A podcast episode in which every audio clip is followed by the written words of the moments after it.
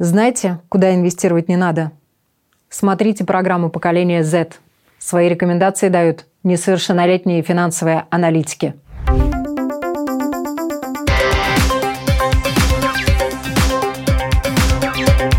Поколение Z. Здравствуйте, с вами Марина Талапина, режиссер программы Даниэль Йофф. И, как всегда, мы начнем с благодарности тем, э, кто нас слушает, смотрит, подписывается на нас, предлагает свои темы, пишет свои комментарии. Спасибо вам огромное. Подкасты программы «Поколение Z» можно э, слушать на всех платформах, включая Spotify, Google, Apple Podcast. Смотреть нас можно на YouTube, на нашем родном сайте lr4.lv.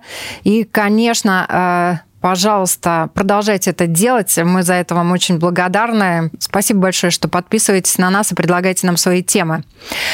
Финансы, облигации, акции, рынки капиталов. Эти термины сегодня используют не только финансовые аналитики, и мы решили узнать, что по этим вопросам знают и хотят знать представители поколения Z. Я рада представить сегодня с нами на связи управляющий некоммерческим фондом Young Folks Invest в прошлом, в прошлом, подчеркиваю, портфельный менеджер Артемий Кобец. Артемий, привет. Добрый день. И также с нами на связи активный участник Young Folks, который с 15 лет увлекается инвестиционной деятельностью, Иван Назаров. Ваня, привет. Всем привет. Иване 15 лет, если что. Вот. И э, тема нашей сегодняшней программы «Я знаю, куда инвестировать не надо».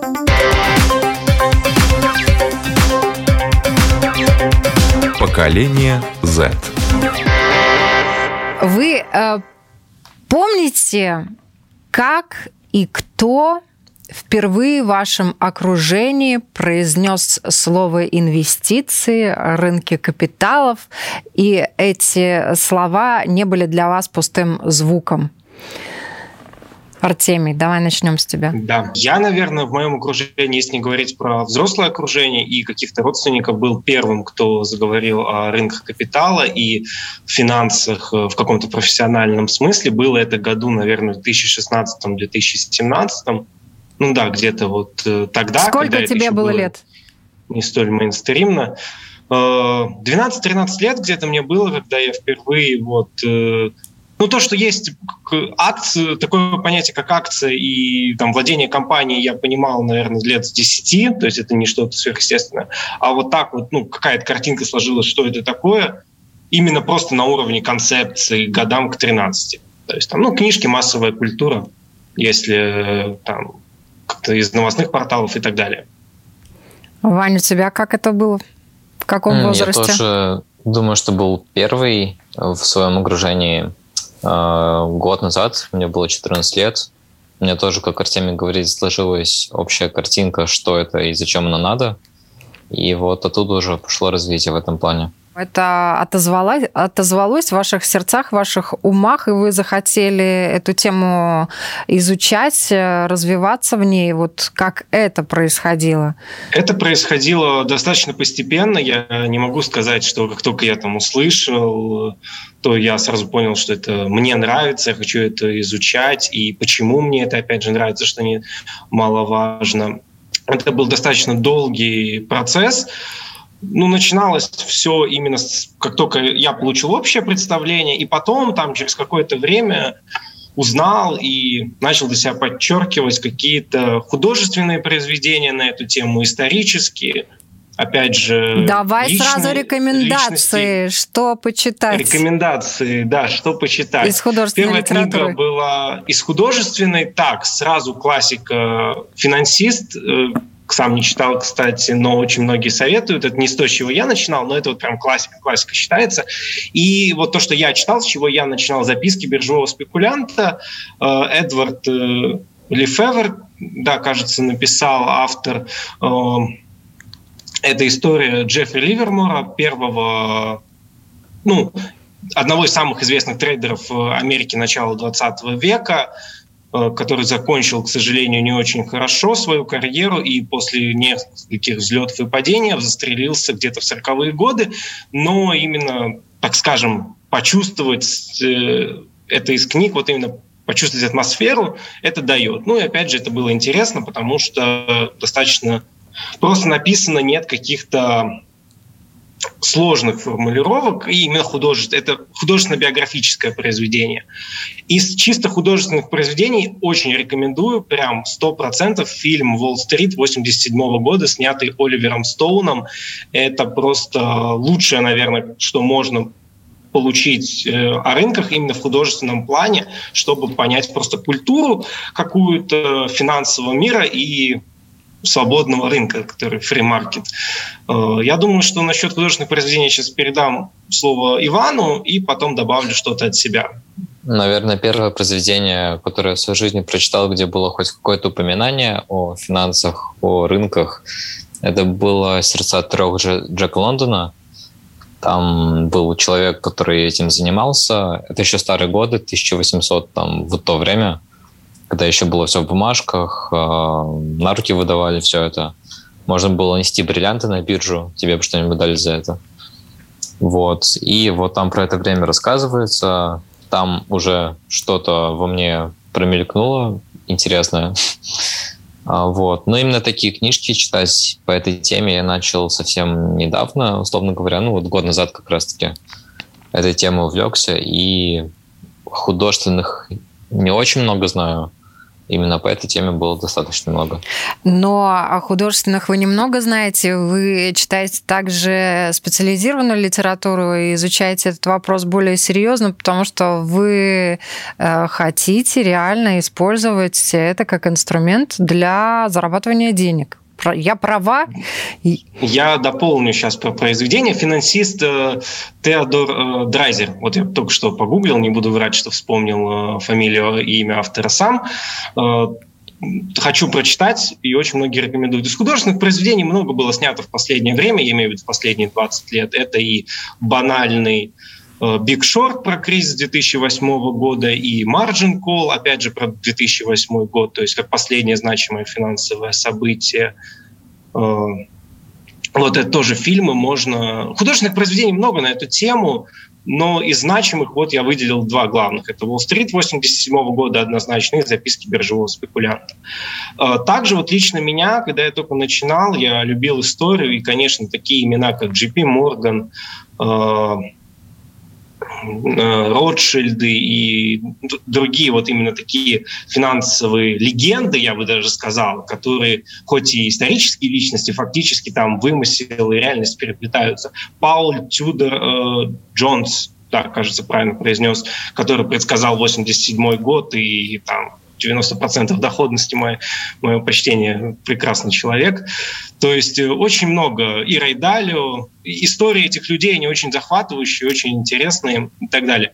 А, да, также вот я много цеплял э, литературу, скажем так, серьезной, которая дает общее понимание. А, в целом я считаю, что именно рыночные процессы надо изучать всем, независимо Рыночные процессы, не финансы, не инвестиции, то, как работает свободный рынок, надо изучать всем. Это важно, это разделять.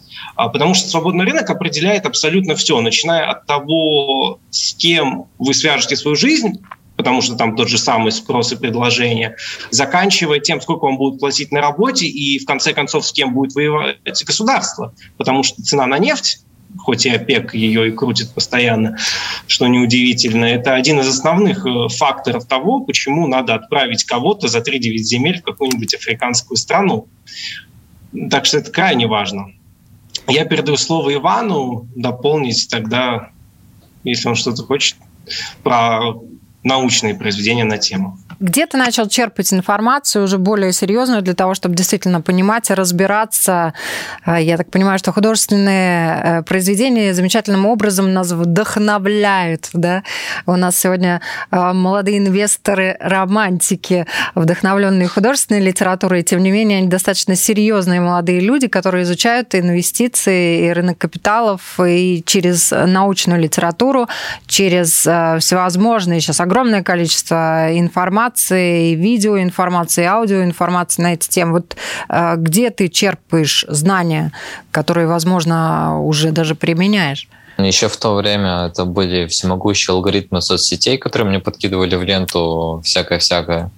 Ты им а, благодарен книжки, которые... за это? Ну, с одной стороны, да. Сейчас этим уже не пользуюсь. Все-таки чуть-чуть подрос того времени. А, вот. Но в то время это был такой толчок, много информации, которую надо было где-то взять, прочитать, усвоить. А, что-то из этого я сделал, что-то пропустил, потому что мне было неинтересно. А так, да, из-за соцсетей я сделал свой первый шаг к достижению своей цели. По поводу соцсетей, вот мне стало интересно, а как ты вообще оцениваешь, что есть информация в соцсетях для тебя, она была полезна или как ты бы описал? Я не оценивал это как полезно или нет. Я считал то, что это просто есть, и мне дают что-то, что я могу использовать или нет. Что-то использовал, что-то не использовал.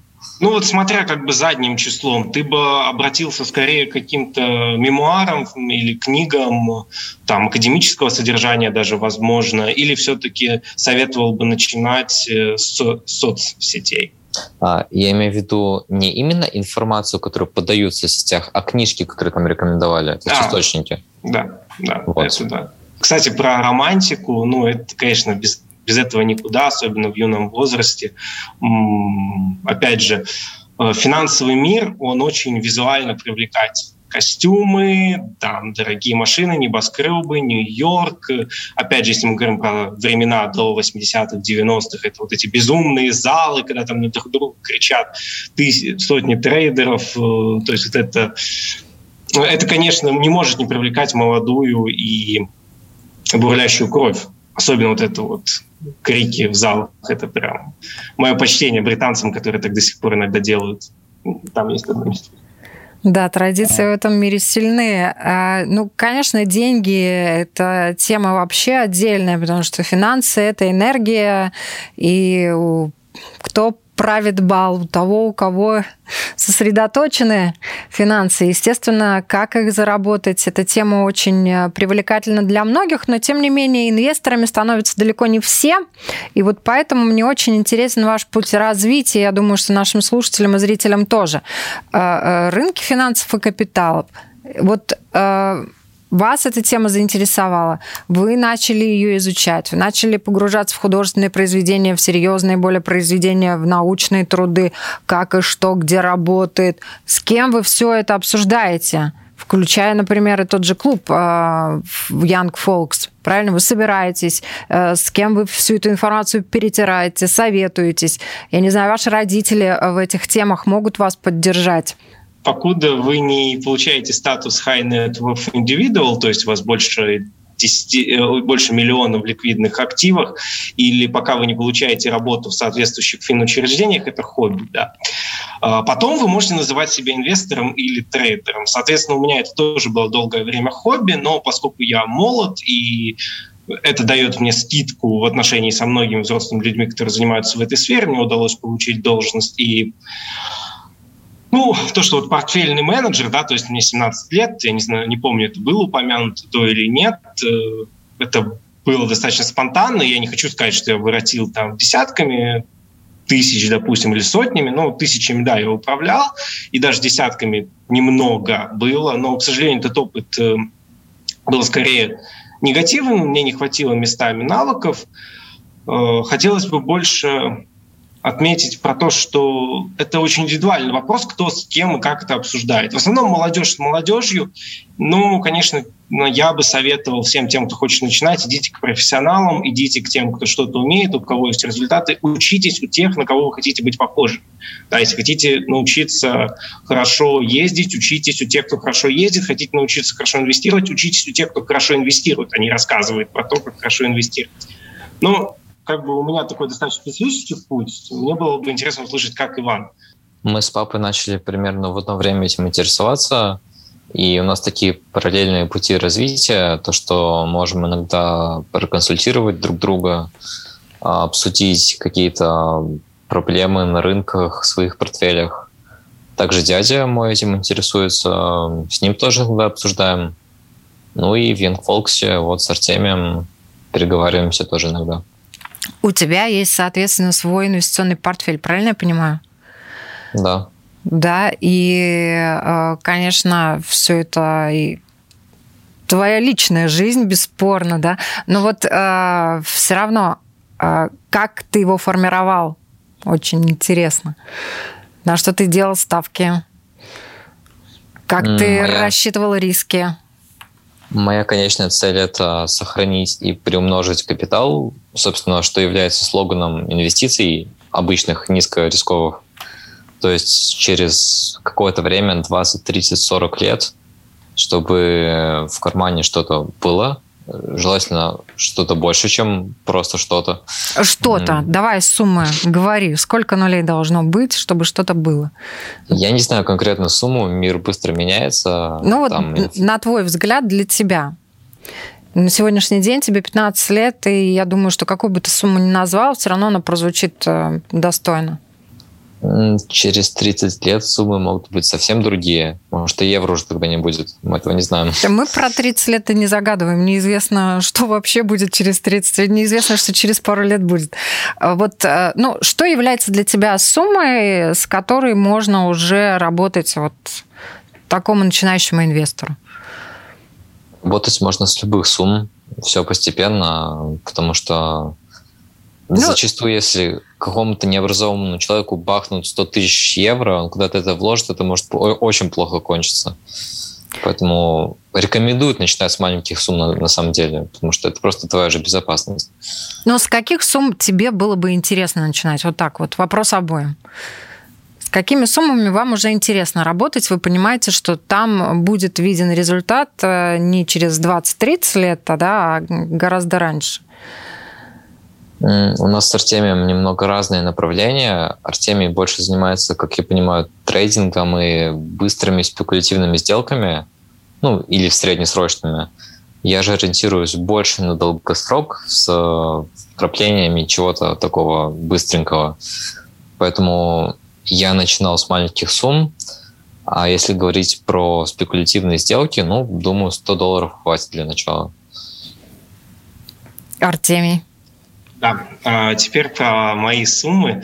Ну, здесь я хотел бы уточнить, что да, действительно, у нас с Иваном а, разные подходы, и мы занимаемся немножко разными вещами. Иван формирует частный, свой собственный инвестиционный портфель как частное лицо.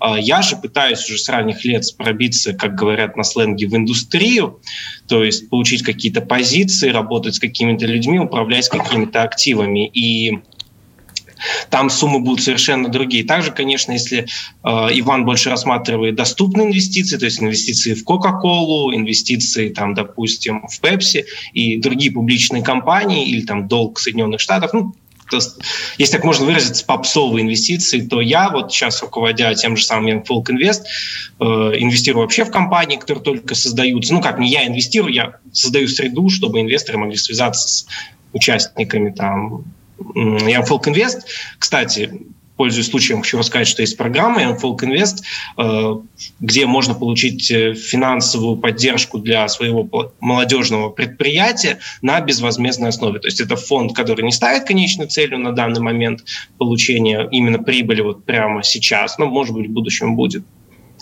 Да, и, соответственно, у меня, я бы назвал такую нижнюю границу того, что мне интересно, ну, на данный момент, если просто управлять, да, то есть я не выполняю какую-то аналитическую работу, это все там чисто у меня зависит от результатов, каких-то комиссионных, ну, не меньше нескольких десятков тысяч евро, однозначно.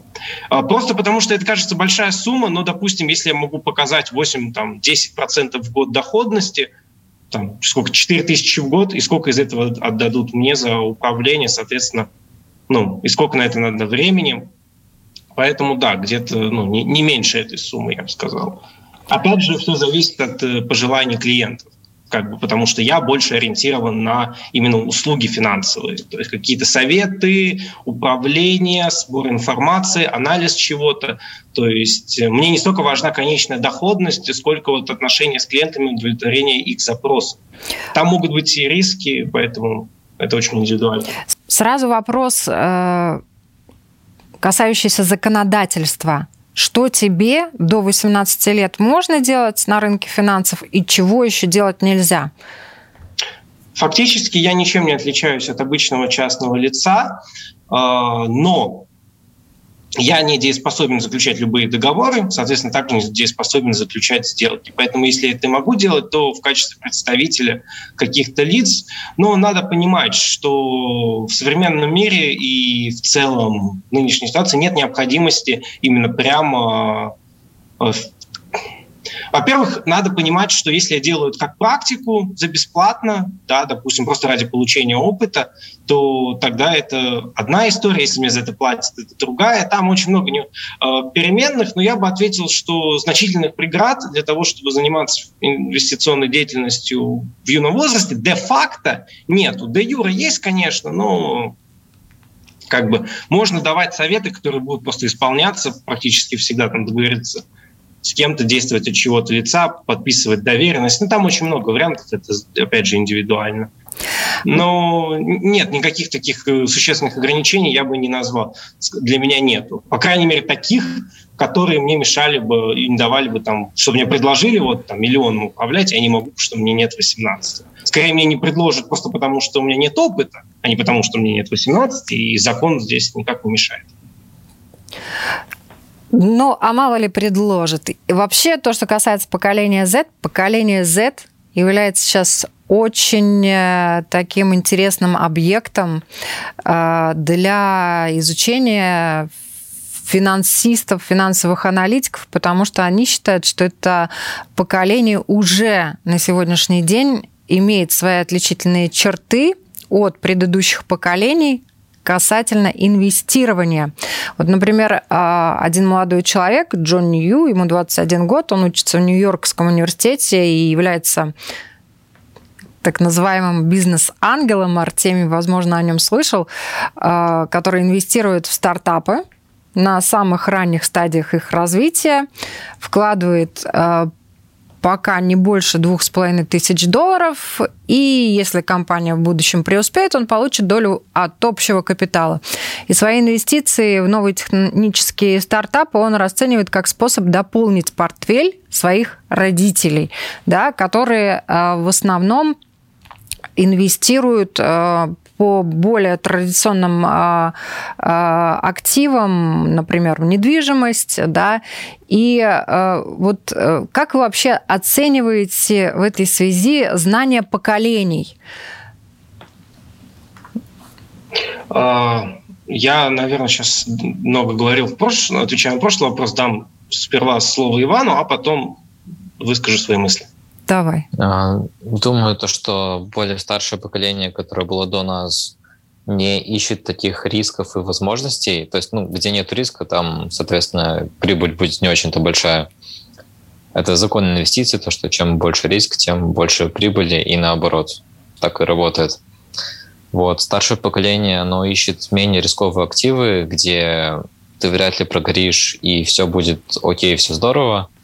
А наше поколение, наверное, к риску более мягко относится и готовы идти на какие-то убытки, возможные или невозможные, а, чтобы сделать больше прибыли, получить профит, либо же горький опыт а, от своего прогара на каком-то активе. Но это попахивает э, игрой такой, да? Либо пал, либо пропал. И, и э, вот э, либо пан, либо пропал. Вот. А анализ британских инвестиционных платформ, э, например, такая платформа FreeTrade, говорит, что представители молодого поколения в возрасте до 25 лет даже более избирательны в вопросах инвестирования по сравнению со старшим поколением. И они вкладывают меньшие суммы, например, в общей массе, да, и связано это, как правило, не только с отсутствием больших накоплений, но и с осторожным подходом к денежным манипуляциям как таковым. Так что молодежь не, не так уж, э, вот именно ваше поколение не так стремится рисковать, сколько э, думает и анализирует. И одной из наиболее популярных компаний, в которые сейчас инвестирует молодежь, я сейчас назову, вы, конечно, тоже улыбнетесь. Тесла является. Вот мне интересно, акции Теслы и там какие-то вложения в эту компанию, в их проект у вас есть? А вдруг? У меня... Иван? У меня нету, потому что я считаю эту акцию, компанию сильно переоцененной, она может в любой момент упасть далеко и надолго, потому что вообще это на пирамиду похоже, туда не надо лезть. Кстати, да, тут э, вспоминается э, известный как прикол, шутка, ходя э, в кругах финансистов сейчас. Скажите мне о том, что на рынке пузырь, не говоря мне об этом прямо. Ну вот школьники оценивают компании сейчас и высказывают свое мнение о каких-то процессах, связанных с поколениями на радио, хотя им 17, они как бы какую-то свою экспертную позицию пытаются продвинуть. Вот тоже из разряда «скажите, что на рынке пузырь», не говоря об этом. А, по поводу поколений. Ну, во-первых, Британия – это все-таки немножко отдельная история. Я бы сказал, что действительно мы только-только открываем для себя рынки капитала, просто потому что у нас свободному рынку на территории Латвийской Республики 30 лет да, из которых 10 это дикий капитализм, который ну, был вроде Дикого Запада, ну, где-то 10, где-то меньше, да, с, со всеми прелестями в виде таких частных насильственных отъемов имущества и так далее. Потом еще первый кризис 2008 года, и мы только-только пришли вот к тому, что вот, там, вот, понимаем примерно, как рынок работает. У нас э, только-только там вот наше поколение, наши родители, потому что наши дедушки, они, к примеру, еще бабушки во многом считают, что зарабатывать, покупая и продавая что-то, это нечестно вообще. Это вообще-то как бы было в их большую часть их жизни уголовное преступление. Не наговаривай. У моей бабушки и у моего дедушки были акции и облигации.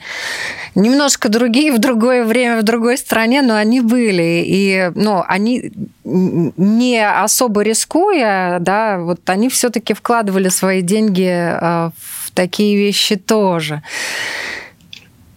Ну, все равно, да. Это вот первый, как бы, Потому что Америка уже пережила нечто подобное, когда все занимались инвестициями в 1929 году перед Великой депрессией. И по поводу инвестиций молодежи и того, какие риски люди готовы себя брать, сейчас прошу прощения.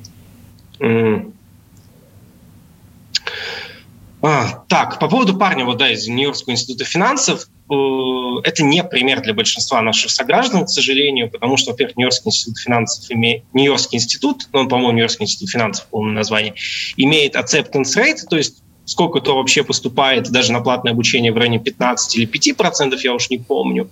И учиться инвестировать, когда с тобой учится сын, менеджинг директор в Goldman Sachs, там, JP Morgan и так далее, это не то же самое, что делать это из Риги, не имея представления вообще, там, ну, да. что делает Тесла и так далее. И, соответственно, там 2000, то есть он 2000 долларов вкидывает в один стартап. Ну, соответственно, общий капитал у него там исчисляется десятками тысяч. Это, конечно, надо понимать э, ну, разницу. Бесспорно, бесспорно. Просто это тоже поколение ваше, да? То есть, э, возможно, лет 10, 15, 20 назад таких студентов даже э, в этом учебном заведении не было. Хотя, конечно, они наверняка были вхожи были. в ну, может быть, да. В Оксфорде нынешний менеджер, как фонд, Билл, Билл Лакман, нет, Билл-то, по-моему, его вообще прозвище, э, любят прозвище на бирже давать человек, который основал Банк Англии, для Сороса и так далее.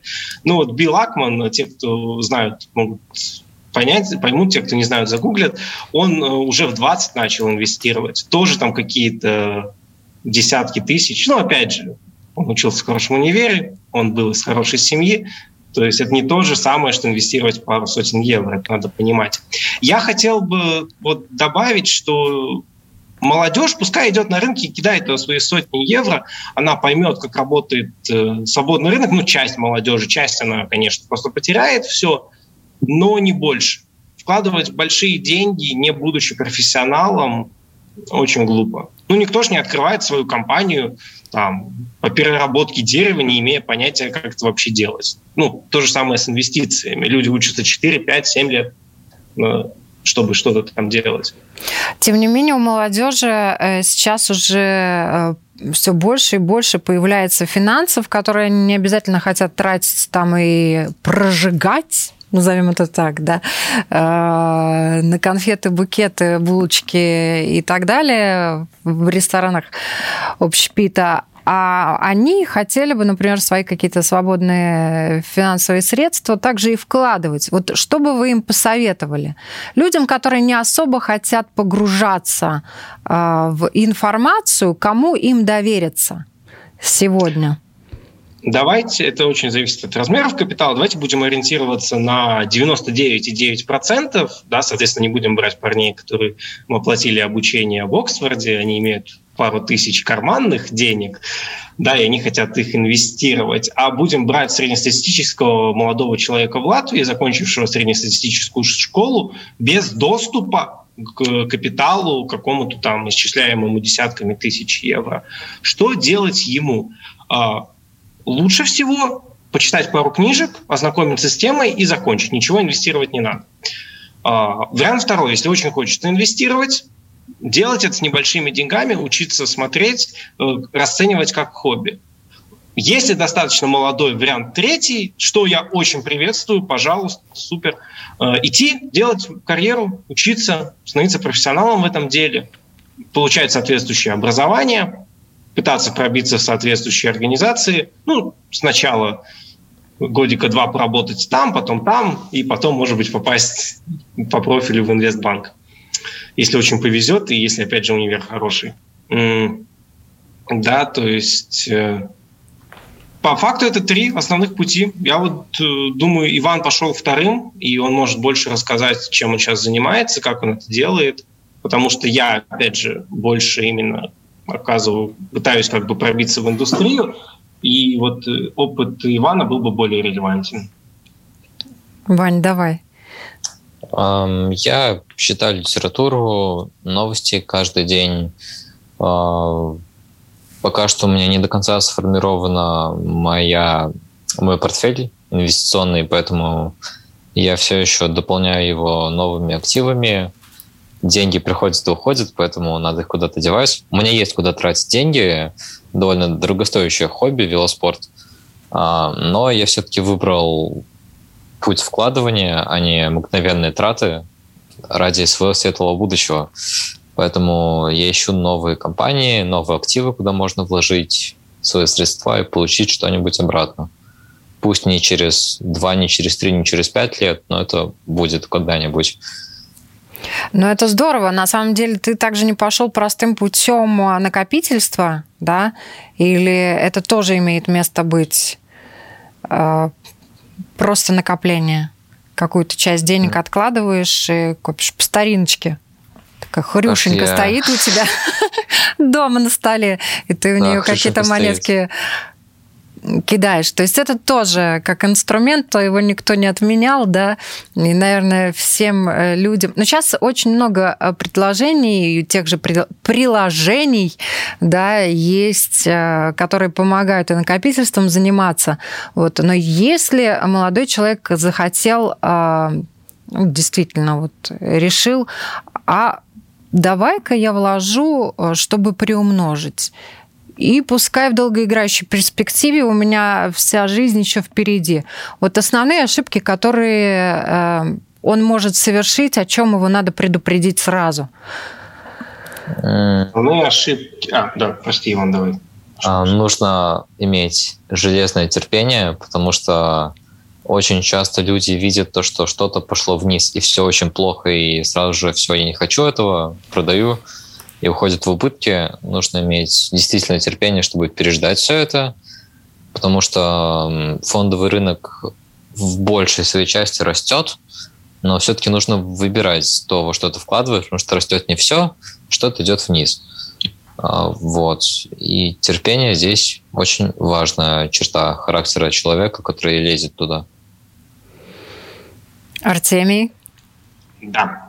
Теперь про ошибки и что надо делать. В первую очередь, пожалуйста, считайте и я понимаю, у всех бывает те, когда приходят, они посмотрели обычно. Да тот же самый Уолл-стрит, увидели Майкла Дугласа, который там с классной сигарой в костюме, там с этой контрастной рубашкой рассказывает про капитализм и говорит, это great is good, жадность хорошо. И, конечно, у них в глазах уже там, значки долларов, ну или те, кто помоложе посмотрели «Волка с Уолл-стрит», там вообще ничего, там просто машины, блондинки, особняки, то есть, ну вот вообще вот так вот как бы сразу пришел, тебе отгрузили машину денег, работает не так. Считайте и исходите из того, что самый крутой хедж-фонд в мире зарабатывает 56% в год с 80-го года.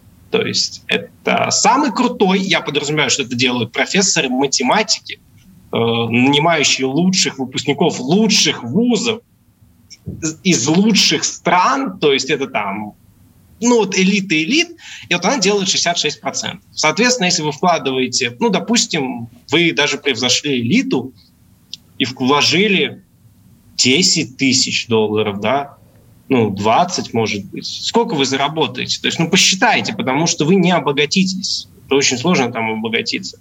Либо, я говорю, да, если, конечно, у вас есть доступ к капиталу большому, тогда да, это другое дело, но эти, эти люди, они вряд ли будут смотреть эту передачу и слушать нас. Они и так знают, что делать с деньгами. А, лучше вложите в образование, вложите в поездку с семьей. То есть вы не заработаете никаких таких денег. И вот хотел бы разобрать популярный миф, Э, про вечно растущие рынки, особенно американские, есть история, что 8% в год от доходности S&P. Э, откройте, пожалуйста, график американского фондового рынка, inflation adjusted, то есть добавленной инфляции, и посмотрите.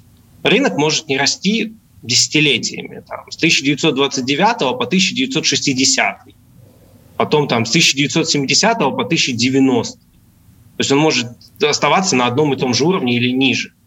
Да. Сейчас, конечно, у нас, но то есть мы живем в лучшую эпоху в этом плане, то есть у нас растет все, что угодно, начиная от недвижимости, заканчивая криптовалютой, на которой нарисована вот так вот собачка. Э, но это не будет длиться вечно. Мы можем в следующие 20 лет э, экономика будет стагнировать, дефляция, инфляция, не знаю, война какая-нибудь начнется. Да, и учитывайте, что государства тоже не вечные. И, конечно, я очень люблю Соединенные Штаты Америки, но и Рим пал когда-то, поэтому тоже учитывайте такую вероятность, пожалуйста. Это не гарантия, не, нет гарантии за заработка денег вообще никаких, особенно на финансовых рынках. особенно учитывайте, с кем вы конкурируете. Вы конкурируете с менеджерами хедж-фондов, с там, аналитиками этих фондов. У них больше денег, больше знаний, больше возможностей, и они, скорее всего, ну, более профессиональны. Поэтому я бы не советовал. Я говорю, намного лучше вложить там, выучите немецкий язык, возьмите там эту тысячу, заплатите ее за обучение там немецкому. Или там, не знаю, сводите девушку в ресторан. Ну, полезнее будет, господи, не надо идти на рынок. Говорит человек, который хочет этим зарабатывать и, в принципе, уже зарабатывает. Я хочу заниматься этим профессионально. Это немножко другое. Нет, пожалуйста, нет. Любой 16-летний парень там, или 20-летний, кто хочет попасть в финансы, работать, у Люминора, у Себа там открытые вакансии есть там кадров не хватает, зарплаты повышаются. Вот там недавно была новость, Goldman Sachs повысил со 100 тысяч до 120 тысяч зарплату аналитика. Это самая, самая первая должность, именно ну, та, которая не там IT-код писать и так далее, а именно вот финансовая-финансовая, то, что фронт-офис называется. Пожалуйста, идите, это супер, это вот прям поступайте в хороший универ, хорошо учитесь, идите на работу в финансах, там, пытайтесь пробиться, получайте стажировки это надо делать, это круто, и это можно, ну, это даст возможность зарабатывать. Я говорю про то, что вкладывать свою тысячу, делать это по два часа в день, вы и время потеряете, денег не заработаете, и могли бы вложить их куда лучше. Потому что, ну, я уверен, что знание иностранного языка, к примеру, даст вам намного больше финансово, чем тысяча долларов инвестиций. А у меня сразу вопрос. Мне хочется, чтобы ты дал, же дал какую-нибудь рекомендацию старшему поколению по поводу портфелей, рынков капиталов и так далее. Вообще существует огромное количество мифов, например, э, вложение в акции там, фармацевтических компаний, беспроигрышный вариант, э, в облигации. Вот. Э, ну, давай уже. Я думаю, что... Давайте облигации Аргентины, беспроигрышный вариант. Ну, или акции России можно было в 97... Ой, облигации России в 97 году, прошу прощения. Просто я, я думаю, что нас сейчас многие взрослые люди слушают и думают, господи ты, боже мой. А сейчас я еще скажу, что а, ребята, которые у нас сидят, э, несовершеннолетние, 17 лет, да. Если есть вакансии, пожалуйста, предлагайте. И 15 лет, да. И вот я думаю, что они тоже ждут рекомендаций. Ты им рекомендуешь то же самое, что и молодым? Лучше сходите в ресторан, потратите деньги на семью, на близких, на любимых, вложить в себя. Опять же, я говорю про большинство, то да, есть взрослые люди, у нас много, у нас достаточно богатая страна, есть много действительно богатых людей, которые имеют капитал, его вкладывать надо. Это двигатель экономики, двигатель нашей социальной жизни. Вложение капитала – это то, на чем строится все, начиная от космической отрасли, заканчивая обороноспособностью государств.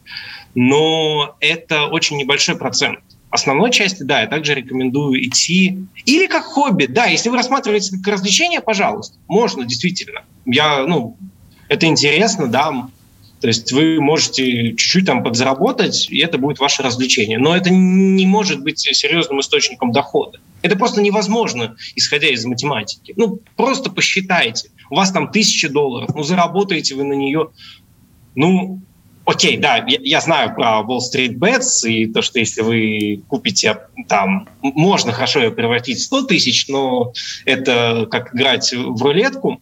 Ну, заработаете вы 20%, ну, 30%. Ну, хорошо, ну, будет это 3, там, 300 долларов, там, 3 тысячи, даже 30 тысяч, черт с ними. Ну, как бы эти деньги лучше вложить во что-то другое. Откройте собственный бизнес, наконец-то, если очень хочется чем-то заниматься. Дети, детей в колледж отправьте, пускай они учатся где-нибудь на финансистов, и потом вам дают финансовый совет. Ну, очень много вариантов. Нет, это просто финансово невыгодно. То есть вкладывать маленькие деньги финансово невыгодно. Это глупо, это рискованно, и у вас нет компетенции этого делать. Оставьте строительство строителям, э, инженерию инженерам, э, финансы финансистам. Если вы не хотите это делать как хобби, просто чтобы развлечься и или чтобы понять, то есть действительно, да, если вы хотите стать там в 25 э, портфельным менеджером каким-нибудь э, там, я не знаю, в Люминоре я не видел, правда, у них таких позиций, не знаю, есть ли у них даже такой отдел, э, в Сбербанке, я знаю, точно есть, я просто туда смотрел, э, то, пожалуйста, пробуйте, поймете. Это примерно, ну, не совсем, конечно, но нечто похожее. Может быть, вам понравится, может, вам не понравится. Да? То есть следить за котировками целыми днями, смотреть на графики. Передаю слово Ивану, что он думает по этому вопросу.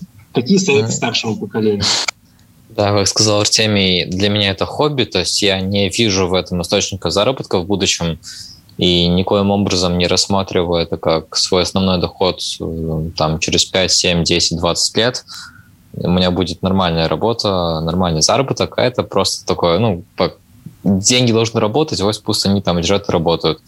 Я туда буду просто вот топку закидывать иногда что-нибудь. Старшему поколению да, все уже сказал Артемий. Хобби либо карьера в этом деле ничего более быть не может. Потому что не занимаясь этим профессионально, не сможешь сделать ничего значимого для себя. И надеяться то, что из твоих там, ну, пусть трех тысяч евро в 18 лет вырастет что-то огромное, но это глупо на самом деле. Ох, э, да. многие молодые инвесторы рассматривают свое увлечение не как способ обогащения, а как возможность поучаствовать в экономике стартапов, например, э, впервые, да, просто поучаствовать во всем этом и также Некоторые рассматривают это как нечто большее, чем просто вложение финансов. И, может быть, для кого-то это форма защиты а может быть для кого-то, ну у кого действительно есть деньги, как правильно сказал Артемий, да, это форма влияния. Ох, ну это вообще тема отдельной программы. Спасибо вам огромное, что были с нами. Хочется вспомнить э, в свое время Михаил Жванецкий сказал, с возрастом желание заработать переходит в желание сэкономить. Я желаю вам не стареть душой, и чтобы желание заработать с вами было всегда. Всем хорошего дня. Спасибо, что были с нами. Я напоминаю, на вопросы латвийского радио 4 отвечали юные инвесторы, несовершеннолетние а, Артемий Кобец и Иван Назаров. Всем хорошего дня.